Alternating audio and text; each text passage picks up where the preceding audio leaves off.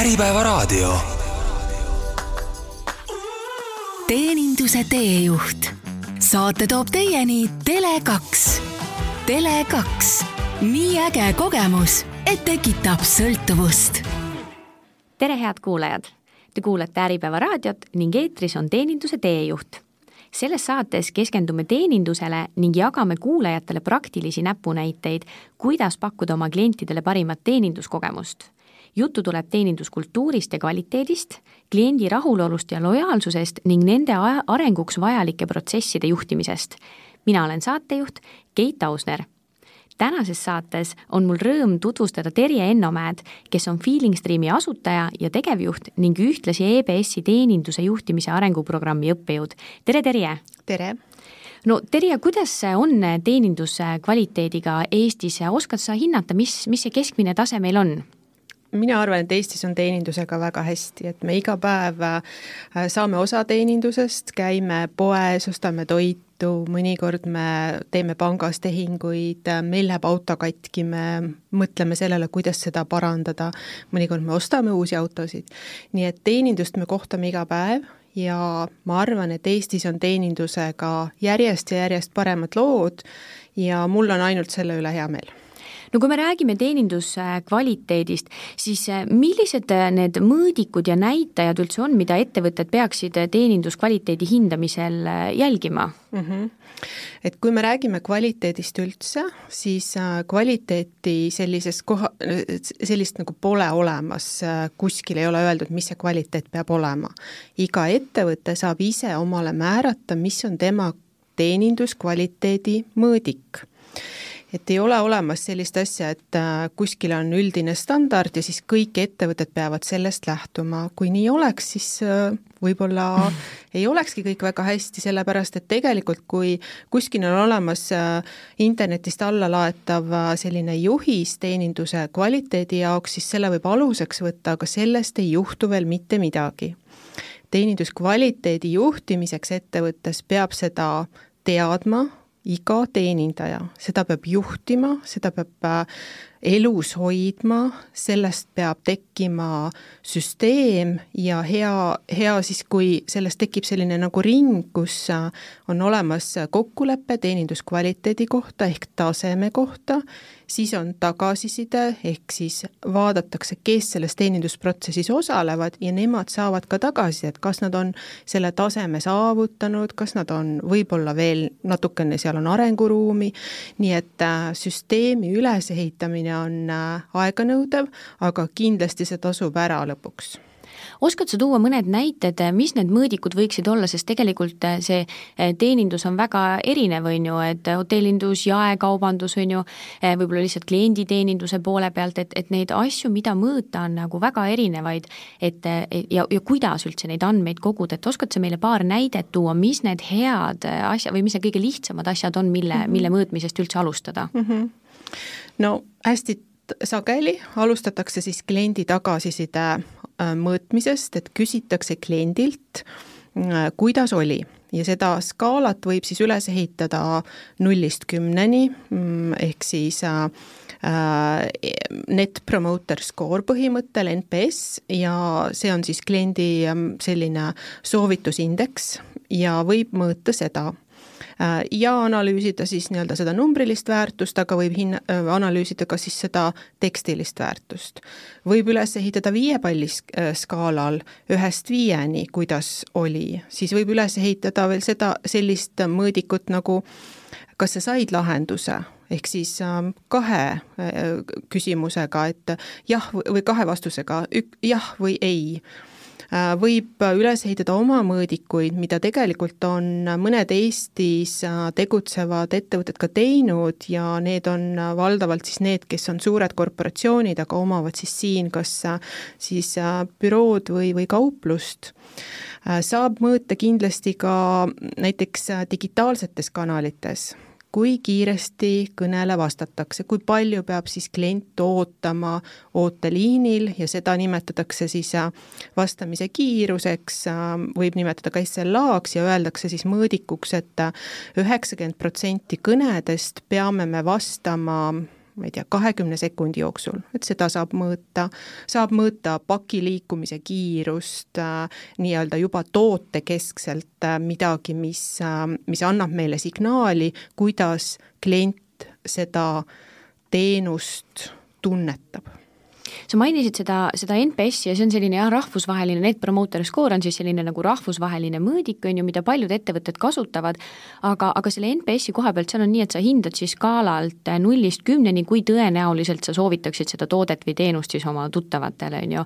aga, aga arengu mõistes nagu no ütleme, ma kujutan ette, et eestlane on selline, kes paneb kogu aeg seal viis kuni seitse keskmiselt, on ju, kogu aeg on okei okay, nagu jah, et ei oska öelda, alati saab paremini, on see, mis öeldakse tavaliselt. aga mida, mis, mis otsuse ma selle põhjal teen, kui ma näen, et minu net promoter score näiteks keskmine on seal kuus, mis meile kogu aeg pannakse, et kuidas ma aru saan, mida teisiti teha lihtsalt selle numbri põhjal mm? -hmm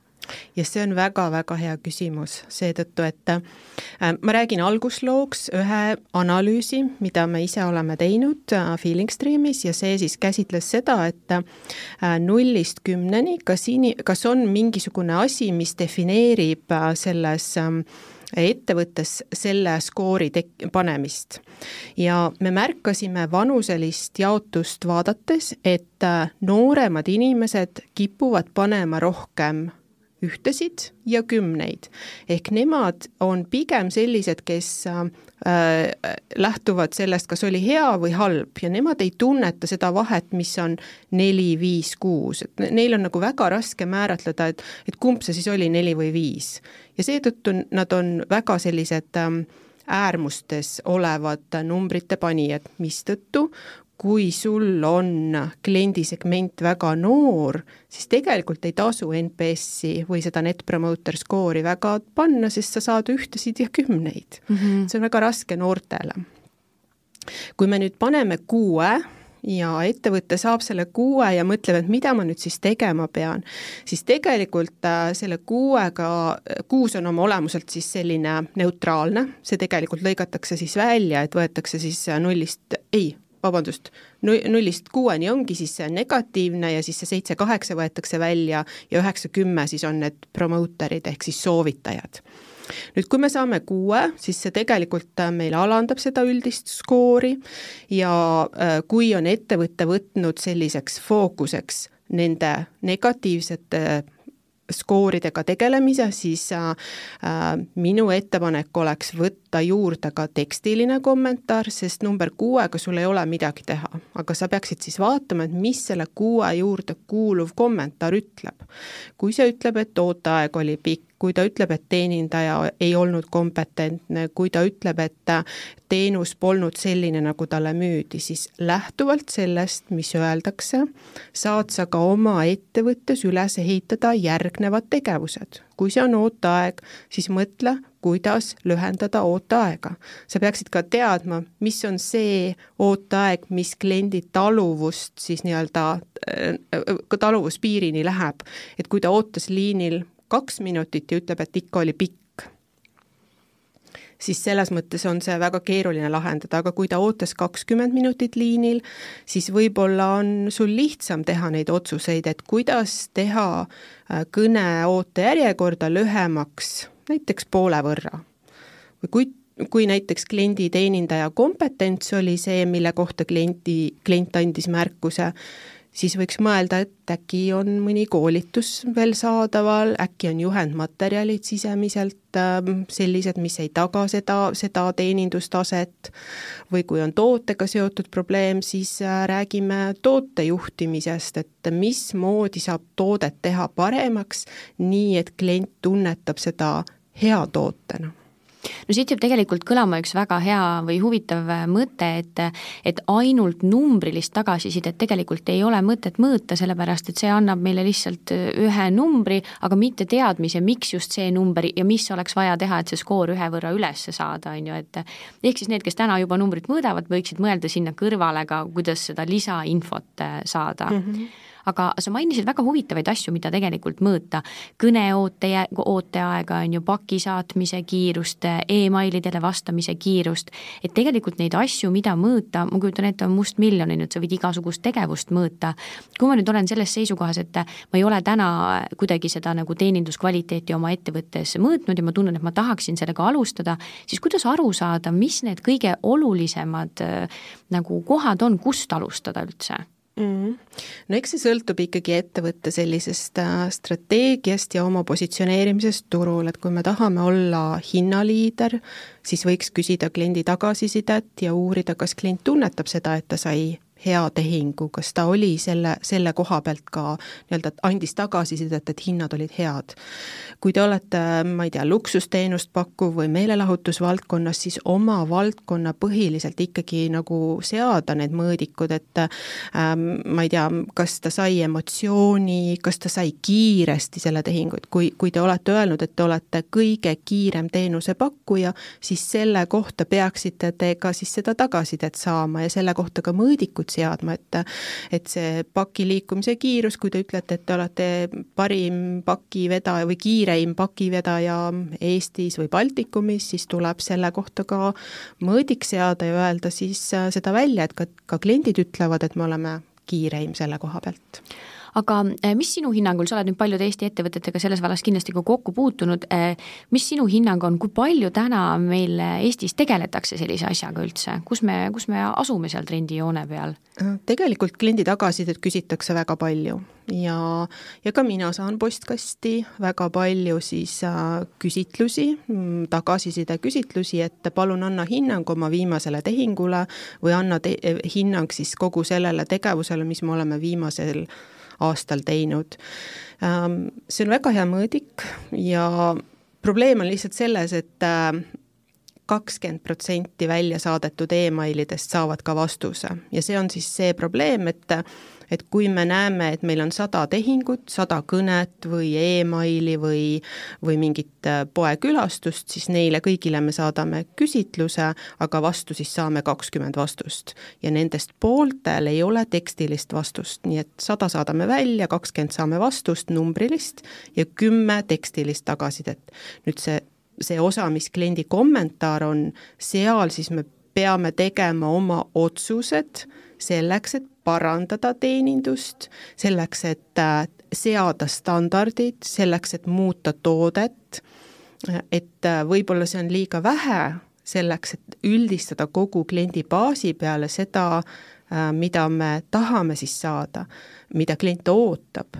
jah, ka ettevõtte enda visioon peaks siin olema nii-öelda kombineeritult nagu üheskoos, et ma toon siin hea näite ja see on seotud siis äh, Äh, Tallinna lennujaamaga, et kui äh, kliendid ütlesid, et nad tahaksid sellist looduslähedast või, või sellist mugavat ja, ja, ja, ja sellist mõnusat lennujaama, siis nad keegi ei öelnud, et me tahame sinna metsapilti nii et äh, tegelikult mm. siis äh,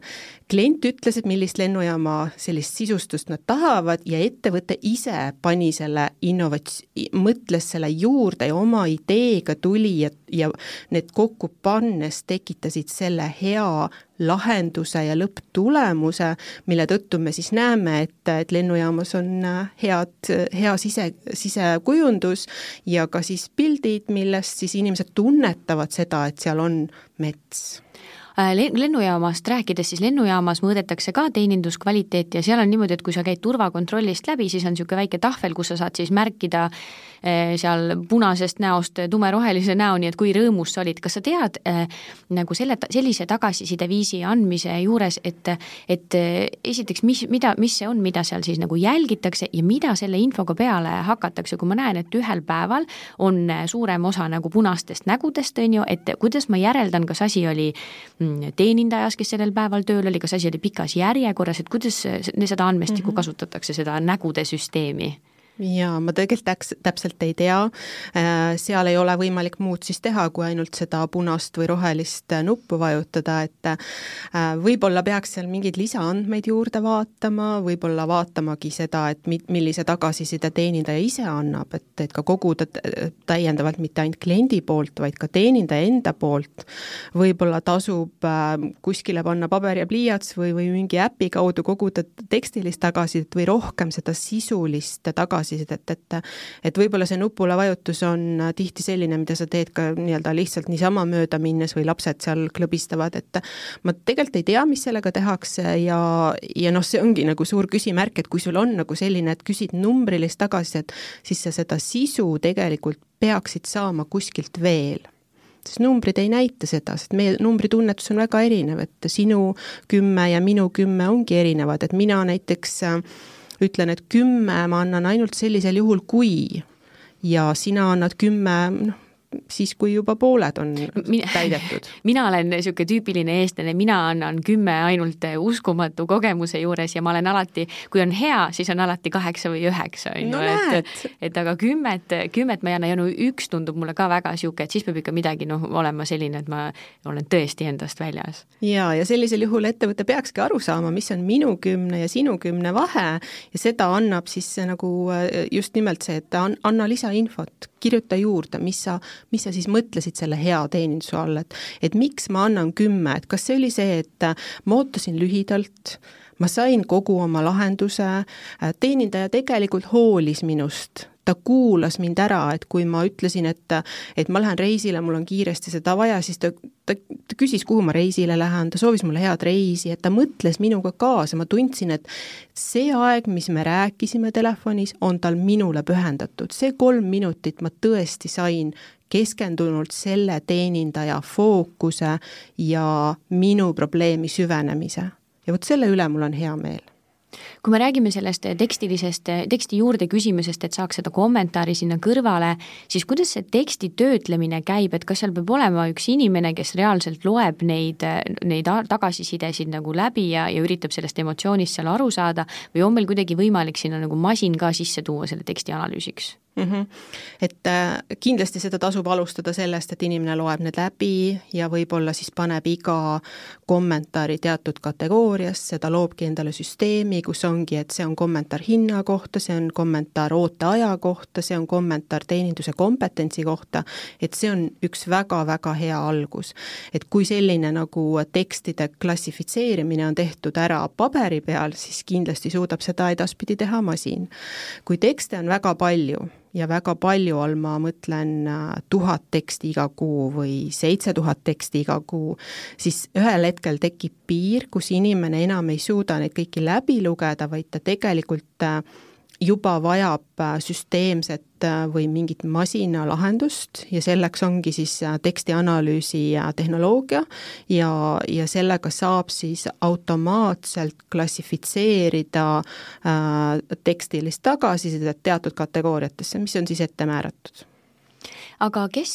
kes selle eest, näiteks täna Eestis meil, kes meil selle eest vastutab, sest ma väga palju ei ole kuulnud, et, et oleks eraldi amet nagu teeninduskvaliteedi juht, on ju, et kes meil täna need inimesed on, kes peaksid selle eest seisma?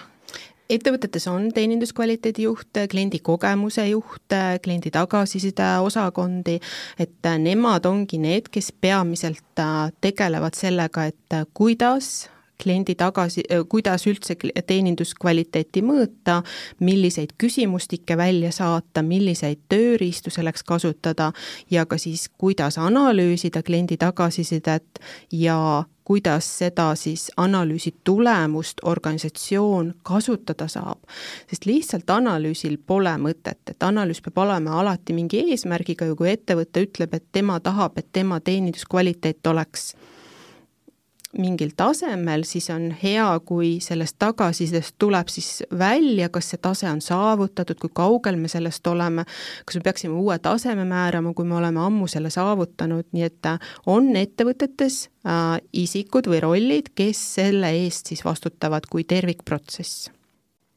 me rääkisime siin saate esimeses pooles sellest äh, teeninduskvaliteedist üleüldse, kuidas seda mõõta, millised need võimalused, mõõdikud, millised need võimalikud mõõdikud on ja, ja mis, mida nende tulemustega peale hakata. Aga Feelingstream tegeleb tegelikult päris suurte, suurte ettevõtetega Eestis, et äh, kuidas, kas sa oskad tuua meile paar näidet, kuidas te olete teeninduskvaliteeti nendes ettevõtetes äh, parandanud ja mis need konkreetsed võib-olla nagu noh, need konkreetsed aspektid on, mis siis seal ettevõttes muutunud on selles teeninduses mm? -hmm no Feelingstream äh, siis aitab analüüsida suuri tekstilisi andmestikke ja ka siis äh, helifaile. ja selle analüüsi eesmärgiks ongi siis aidata teenindust parandada, aidata kulusid kokku hoida või aidata siis äh, nii-öelda müüki suurendada kui me räägime teeninduskvaliteedi parandamisest, siis me rääkisime siin mõõdikutest, mida võib siis mõõta tagasiside analüüs, tagasiside küsimisega ja siis selle analüüsimisega või erinevaid mõõdikuid ka kõneliinil, SLA-d või ka siis emaili saat-, vastamise kiirus nüüd äh, Feeling Stream mõtleb siinjuures äh, selliselt, et äh, kui me tagasisidet saame kahekümnelt protsendilt klientidest, kellele me saadame küsimustiku, siis kuidas me saaksime ülejäänud klientidelt ka selle tagasiside kätte ja meie visioon on mõõta seda tagasisidet kõne jooksul, kõnes toimunud tagasisidet või kõnes esitatud probleeme üldse ja me oleme loonud siis sellise rakenduse, äh, mille sees on siis nende helifailide või emailide või chati vestlused ja neid saab siis automaatselt äh, klassifitseerida. Nendest saab leida selliseid äh, signaale, mis viitavad mittekvaliteetsele teenusele, mittekvaliteetsele protsessile või mingisugusele mm, disainitud lahendusele, mis ei tööta nii, nagu ettevõte on soovinud, et kui te olete tahtnud, et, et eh, klient läheb äppi ja teeb ise omale paketivahetuse või ostab sealt mingit te-, teenuse või toote, aga ta selle juures jääb hätta ja peab helistama, siis sellisel juhul me tegelikult saame sellest kõnest vaadata, et meil oli täna seitsekümmend kõnet selle kohta, et äpis ei saanud osta. ja nüüd see, see, see kliendi tunnetus on halb või nõrk ja nüüd me saamegi minna siis seda äppi parandama, et see ostukogemus oleks parem ja ei tekiks lisakulusid sellele kõnele vastamiseks. kas see kategoriseerimine käib, sa siin saate esimeses pooles mainisid, et alguses inimene võiks käia neid tagasisidesid tegelikult käsitsi üle ja panna sinna nagu justkui külge, on ju, et mis, et kas see on hinnateema või on see mingi tehniline probleem või niimoodi, et kas sellise nagu süsteemi juures see asi juhtub juba automaatselt? Jaa, see süsteem äh, toimub automaatselt sellise süsteemi juures, aga ikkagi on vaja sellist eeltööd, et õpetada seda masinat, ehk siis kui me räägime sellisest teksti klassifitseerimisest, siis masinõppemeetod nõuab seda, et keegi inimene on andnud masinale selle informatsiooni, milline on hinna, hinna kohta olev kõne, milline on hinna kohta olev tagasiside, nii et äh, jah, inimene peab selle töö eelnevalt ära tegema, aga see tasub kindlasti ära, sellepärast et kõik järgnevad sisse tulevad tekstid või kõned on siis võimalik automaatselt klassifitseerida kas tehniliselt tähendab see seda, et kõnest tehakse siis transkriptsioon ja seal transkriptsioonis on siis mingisugused nii-öelda märksõnad, mis hakkavad helendama teatud probleemide korral ja siis need justkui pannakse siis sinna kategooriasse vastavalt sellele, ma ei tea, kas seal on ka märksõna mainimise sagedus näiteks või? jaa, seda võib niimoodi nimetada, et see on väga hea kujundlik äh, näide, kuidas siis äh, seda märksõna püütakse sealt kinni või siis äh, ka kõik selle märksõna olevad, märksõnaks olevad variatsioonid, et me võime öelda tere, me võime öelda hommikust ja see tegelikult tähendab täpselt sedasama asja, et et kui me hindame seda, kas teenindaja ütles kõne jooksul tere, siis me korjame kokku kõik alternatiivid, et oli tere, oli hommikust, teinekord sa helistad õhtul ja teenindaja ütleb õhtust ja tegelikult sa loed seda samaväärseks sõnaga tere mm. -hmm. tervitus on ta ju ikkagi, on ju mm. -hmm aga kas teenindajad peavad kuidagi, ma ei tea, seda masinat toetama nii, et kui ma saan ise kõne käigus aru, et see näiteks puudutab praegu hinda, et siis teenindaja ise proovib ka öelda paar korda hinda, et masin saaks aru või seda ei pea tegema? no tegelikult ei pea tegema, kuigi võib, aga ei pea tegema, et selles mõttes, et teenindaja oma töös selle ei pea midagi teistmoodi tegema, et teenindaja oma töös lähtub ikkagi nendest ettevõtte standarditest või tööjuhistest, mis talle on antud ja see, mis siis taustal toimub, ongi siis analüüs ja kui analüüsi käigus selgub, et tööjuhis pole täpne või ei ole ajakohastatud, siis muudetakse tööjuhist, millest agent siis ikkagi või teenindaja lähtub ehk siis siit ma näen, et ettevõtte seisukohalt on see mõnes mõttes selline nagu aja kokkuhoid, on ju, et me saame võib-olla kiiremini probleemidele jälile, on ju, ja saame nendega tegeleda, et me selles vallas enam nii palju klientide pöördumisi ei saaks, eks ole. Äh, aga mis veel teha saab sellega? Jaa, et ähm, meie üks klientidest siis analüüsis äh, arvetega seotud sissetulevaid äh, kliendikõnesid.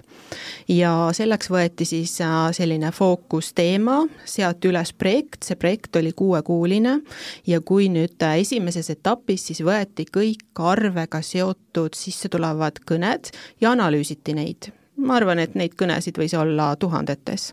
ja püüti siis ära märkida, mm, mitu korda helistati, arve on liiga suur, arve tuli liiga hilja, arve tuli valele aadressile, arve rida number üks on ebaselge, mul on ähm, aadress muutunud. Ja kõik need alamklassid siis said oma omaniku, sellel probleemil oli omanik ja nüüd, kui me räägime, et arve on liiga suur, siis mindi tegelikult äh, nii-öelda, no mis on, mis on, et arve on liiga suur, kes on selle omanik?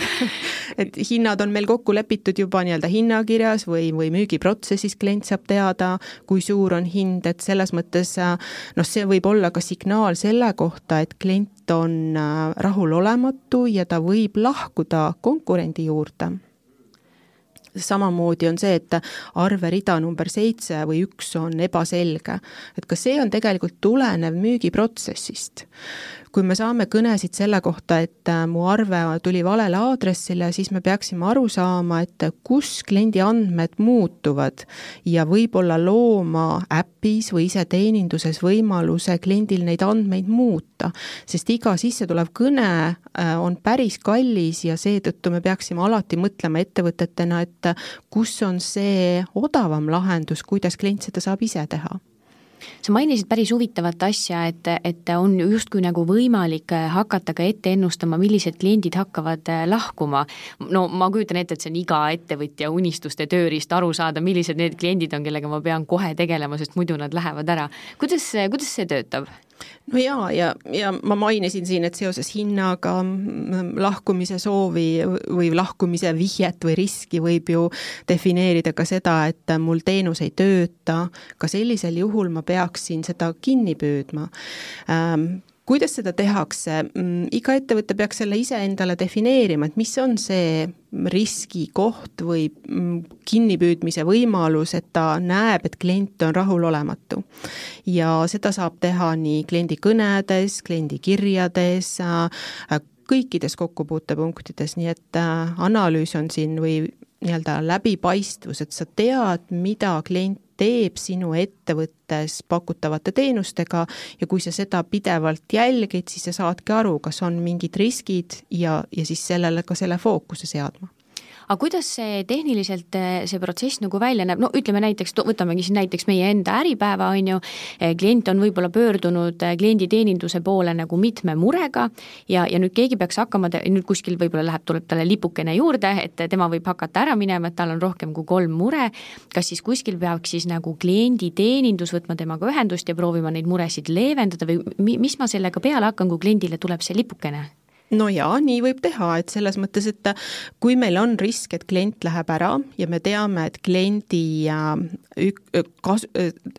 ühe kliendi kohta me peame mõõtma mingit kasumlikkust või seda, et kui pikalt ta on meie klient, siis ettevõte peab defineerima, et kas see on see koht, millega tegeleda kui jah, siis peab sinna mõtlema välja protsessi. üks võimalus on siis helistada ja rääkida selle kliendiga, võib-olla on tal anda mingisuguseid head ta,, head tagasisidet selle kohta, et mida siis saab parandada. ja kui tõesti see on see koht, mis on ettevõttel võib-olla jäänud kahe silma vahele, siis saabki ju selle ära lahendada. kui nüüd klient reaalselt läheb ära, näiteks äh, lõpetab lepingu ja otsustab teise ettevõtte või konkurendi teenust siis kasutada, ega ka siis tasub nagu mõelda sellele, et nagu miks mis me saame teha paremaks, et need kliendid, kes meil on, need oleksid äh, rahulolevad, maksaksid rohkem ja püsiksid meie ettevõtte juures pikemalt kui me saame natukene nii-öelda lahkumist ette ennustada, siis kas selle süsteemi abil on võimalik ka e nagu juurdemüügi äh, potentsiaali tuvastada, et kus on kliendid, kes oleksid valmis võtma mingisugust lisapaketti oma, oma, oma teenuse juurde? jaa, nüüd kui me räägime siis äh, helifailide analüüsist või, või kõn- äh,, tekstilisest analüüsist, siis selle sisu ju on väga-väga põnev et äh, ma võib-olla kirjeldan siin ühte kõnet, et kõnes on alati tervitus, kõnes on siis probleemi ärakuulamine, kõnes on siis selle probleemi lahendus, kõnes võib olla siis ülesmüük ja ülesmüük võib olla seotud siis sellega, et kliendil on mingi toode puudu, seotud sellesama probleemiga, mis ta helistas, võib-olla meie aktiivse kampaania pakkumisega, nii et jah, kõnes on võimalik siis äh, luua olukord, kus äh, tehakse uus pakkumine kliendile ja selle läbi ettevõte saab rohkem käivet sa oled äh, paljude ettevõttega, ettevõtetega koostööd teinud ja, ja kindlasti väga erinevaid asju, asju mõõtnud ja erinevaid nagu niisuguseid tükikesi muutnud. milline nendest sinu senisest kogemusest on olnud sinu enda lemmik või niisugune nagu kõige suurem töövõit, kus sa nägid, et teievahelisest koostööst midagi läks nagu väga palju paremaks? No minule meeldivad need juhtumid, kus kõnede arv reaalselt väheneb läbi selle, et on analüüsitud ja leitud see viga, mille pärast kõnesid on olnud palju. ja no loomulikult ähm, kõik need juhtumid, kus me näeme, mis on esile kerkivad probleemid, aga nad on alles veel väga alguses et äh, kuidas näha seda, mis ei ole veel väga suur ja ei plahvata meil ülehomme, aga kuidas seda täna juba märgata. missugused on need varajased signaalid, mis aitavad meil kinni püüda seda, et äh, varsti tuleb väga suur probleem, et äh, see võib olla tavaline, et veebilehel pole infot meie uue toote kohta või see on puudulik ja tuleb väga palju kõnesid ja seetõttu meil on liinid umbes, meil on teenindajad ülekoormatud, äh, kliendid rahulolematud ja sellist olukorda me ei, tegelikult ei taha, me suudame kiiresti luua veebilehele täiendavad tekstid, paremad tekstid ja võib-olla sellised selgitused, mis aitavad siis nende kõnede arvu vähendada. Ehk siis ütleme, et sinu lemmikud on olnud need, kus on äh, töö vähenenud ettevõttes, jah? ja, ja minu lemmikud on kindlasti ka need, kus siis äh, me leiame üles need kohad, kus äh, klient liinil pikalt ootab või, äh, või siis saab valet informatsiooni, et hinnakiri on muutunud vahepeal näiteks hindade kohta või mingisuguse toote funktsionaalsuse kohta, nii et minu lemmikud on ikkagi need, mis tulevad välja sellest analüüsitööst ja analüüs annab siis selle sisendi selle protsessi muutmiseks kuidas see senine kogemus on näidanud, kas see tagasiside, mis tuleb, kas nende nagu protsesside parandamine on nõudnud suuti, suurt investeeringut või on see olnud lihtsalt niisugune meeskonnaga paar uut kokkulepet? jaa, see on nii ja naa, et kui me rääkisime siin arvete kohta kõnedest, siis äh, äh, kui arve on segane, siis mõnikord nõuab see kogu arvelduste süsteemi ümbervahetamist ja see on väga suur investeering. samas uue veebilehe teksti para-, äh, loomine või parandamine on tegelikult väga lihtne ülesanne, ehk siis mõned asjad on ainult kommunikatsiooni teema, et sa suudad paremini selgitada kliendile seda, milles see teenus seisneb, ja teine on siis selline äärmus, kus me vahetamegi välja oma arvelduste süsteemi, kus me loome uue teenuse funktsionaalsuse, mis on omakorda siis väga-väga kallis. Kuidas teenindajad ise sellesse suhtuvad, kui nende iga sõna lindistatakse, et kuidas nemad selle vastu võtnud on? jaa, no salvestamine, kõnede salvestamine on ammu-ammu toimunud ja selle kohta siis iga klient saab ka teabe ja ka agent teab, et, et tema kõnet siis salvestatakse, see on andmete kogumine ja andmete kogumisega meil polegi üldse probleeme.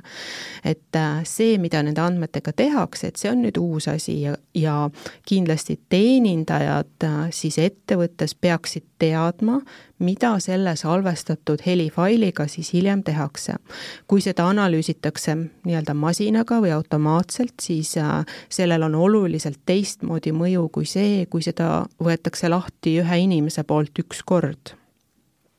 nii et äh, kui meil on olemas siis võimekus masinaga neid helifaile ka analüüsida, siis saab sealt otsida erinevaid asju, me võime sealt otsida, milliseid argumente me kasutasime oma teenuse pakkumiseks, äh, kui meil läheb vaidluseks, siis me saame vaadata seda, milliseid äh, nii-öelda äh, lahendusi seal üks teenindaja pakkus või, või seda, et kas ma pakkusin kampaaniatooteid, nii et agent peab seda teadma, milles seisneb analüüs ja kuidas seda tehakse. tihti lastakse ka agentidel endal või teenindajatel endal neid kõnesid siis ka kuulata, analüüsida, vaadata ja nii-öelda oma juhilt saada ka tagasisidet selle kohta, mis oleks võinud olla parem. ja koos helifaili kuulates siis tegelikult saabki selle nii-öelda selle tagasiside ja mitte ainult seda, mis oli halvasti, vaid ka see, mis on väga hästi, sest see ju tegelikult motiveerib teenindajaid ja ma olen väga selle poolt, et kui kõnekeskuses on äh, töö raske ja rutiinne, siis see tagasiside peab sisaldama ka väga sellist positiivset äh, mõtet, äh, milles teenindaja on juba siis arenenud, paremaks saanud ja järjest-järjest kasvab. Mis sina arvad igasugustest nendest chatbot idest ja, ja, ja sellest, kui sellele kõnele eelneb see, et vajuta üks, kui sul on see mure ja kaks, kui sul on see mure ja mm. -hmm ma olen väga digitaliseerimise pooldaja, automatiseerimise pooldaja, standardite pooldaja, nii et, äh, et iseenesest on väga hea, kui äh, ka eesti keeles on loodud sellised lahendused, mis aitavad siis ettevõtetel selliseid äh, lihtsamaid äh, teenindusalaseid Äh, teemasid lahendada, et chatbot oma olemuselt sobib väga hästi sinna, kus on struktureeritud andmestik või struktureeritud vastus, et äh, tere, mis kell läheb rong Tartust Tallinnasse, siis sellise infoga saab bot väga hästi hakkama, see on veebilehel olemas ja me teame täpselt, et see rong peab minema Tartust Tallinnasse sellel päeval, sellel kellaajal. Nüüd millega siis sellised digilahendused hätta jäävad? Sageli, on nõustamine, ülesmüük, äh, probleemide lahendamine ja nii edasi, nii et äh, seal aitab siis ikkagi päris inimene täna veel. nüüd, kui kõneliini ees on sellised valikud, et äh, anna meile teada eelnevalt, kas sa tahad rääkida oma uuest tootest või, või ma ei tea, võlgnevusest või hooldusest, siis sellisel juhul tegelikult see süsteem juhib selle kõne õigema õigemale kompetentsile, sellele inimeste grupile, kes selle teemaga igapäevaselt tegelevad. Ja minul kliendina on võib-olla parem, kui ma saan siis äh, kompetentsema teenuse, et kui hoolduse tiim vastab mulle, siis ma olen kindel, et minu auto või pesumasin saab selle õige vastuse, selle kohta ma saan õige vastuse ja ei pea ootama pikalt, kui teenindaja, kes tegelikult äh, müüb äh, autosid või pesumasinaid, minuga alles äh, noh, mõtleb kaasa, et kuidas seda hooldust siis korraldada mm. -hmm. Mis sa sellest arvad, kas, kas see on võimalik, ma jäin siin mõtlema, et kui, kui see, kui me analüüsime neid skripte, eks ole, näiteks ütleme, kui meil ongi siin kas äh, juurdemüük või üleüldse nagu, nagu nii-öelda telefonimüük, eks, ja, ja mingi hetk tekib ju nagu muster sellest, et millised kõned on ju lõpevad müügiga, millised mitte. kas me jõuame sinnamaani, kus Äh, ai paneb meile kokku sellise skripti, mis on ülimalt tulemuslikku, e, ent ei ole selline nagu väga skriptilik, kus vahest on, kui helistatakse, siis sellise monotoonse häälega loetakse sulle üks A4 ette, enne kui sa saad midagi öelda. et kas, kas, kuidas sulle tundub, kas see suund paistab, kus varsti me saame kõnede analüüsid, tänu kõnede analüüsile kokku panna ideaalse skripti? Ma tahaks, et me ei jõuaks sinna kunagi, sellepärast et ma tegelikult tahaks, et kõnesid teeb inimene, ma tahaks, et see inimese enda personaalsus jääb sinna sisse ja iga selline huvitav isikupära toob sellele ettevõttele kasu, et me oleme ka Soomes ja Norras ja Rootsis äh, rääkinud sellest, et teenindus äh,, teenindust juhitakse väga personaalsemaks. ja see tähendab seda, et kui sul on teatud dialekt, oma keeles, siis ole uhke selle üle, räägi seda, näita välja, et sa oled just nimelt sellest regioonist pärit, et kui me näiteks toome Eesti näite, et Võru murrakut keegi räägib, siis seda peakski kasutama teeninduses ja võib-olla noh, see, see, see, see, ka tundub nagu kliendile põnevana, et ma räägin kellegiga, kellel on natuke nagu teistmoodi hääldus ja see võib-olla mõjub nagu ägedalt nii et mina arvan, et kui ai loob meile skripti, mis on osutunud, mis tuleneb sellest, et eelnevad kõned on olnud edukad, müügitulemuslikud, siis äh, me võime selle skripti kasutusele võtta, aga ma tahan, et seda loeks ette siis inimene ja lisaks sinna oma personaalsuse mina olen niisugune äh, väike veider kiiksmal, mina alati kuulan müügikõnesid, kui mulle helistatakse, sest mind väga huvitab, kuidas nad minu poole pöörduvad. kas see on skript, on ju, kas see on, kas see on inimene, mis see nagu, mis see probleemi püstitus on, millega nad äh, pöörduvad? Ja ma olen ise ka kunagi äh, ülikooli ajal teinud telefonimüüki. Ja ma mäletan, et kõige raskem oli see, ei olegi inimestega rääkimine, tegelikult kui sa saad inimesega rääkima, kõik on väga toredad ja nii, aga see avang, et ku, -hmm. kuidas ma pöördun nii, et ta ütleb, ei, ei, ei, ei, ma, ma praegu küll ei taha, on ju. Mhm kas, kas avanguid saaks analüüsida niimoodi, et, et milline avang kõige paremini töötab? jaa, saab, avanguid saab analüüsida, et, et me võime võtta esimesed kakskümmend viis protsenti kõne pikkusest ja, või esimesed minuti kõne pikkusest ja öelda, et me tahame vaadata, milline on muster ja siis ana-, kui see kõne lõpeb müügiga, siis öelda, et vot see muster, see avang viib eduka lõpuni. et jah, saab analüüsida ja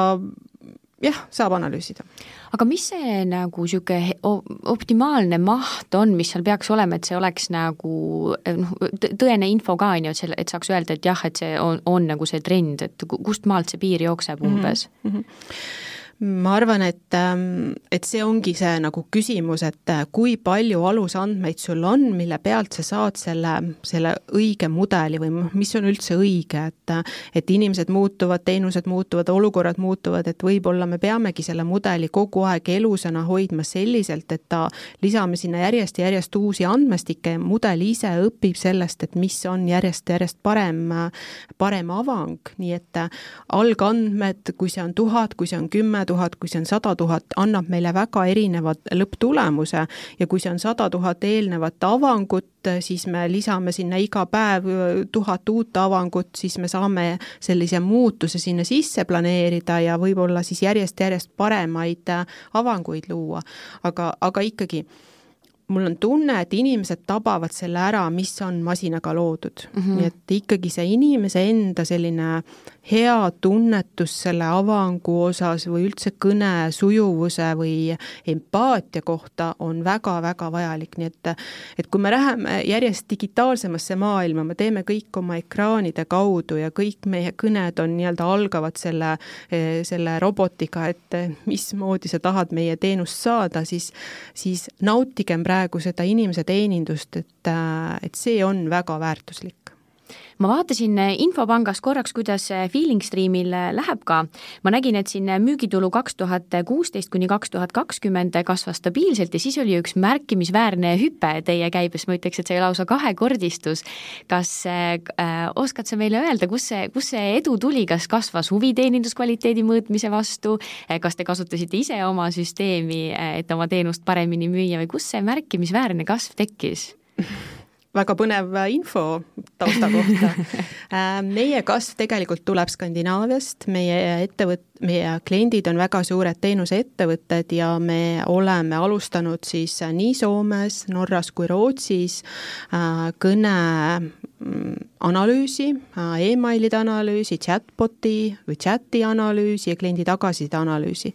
et Feelingstreami lahendus ongi siis selline, kus võtab, mis võtab kõik need teeninduses tekkivad andmestikud ja aitab neil juhtidel analüüsida, et meie teenust kasutavad siis juhid, kes saavad teha paremaid ja toetatud andmetel põhinevaid otsuseid, selleks et muuta siis kvaliteeti paremaks või protsesse paremaks või siis ka müüki suuremaks.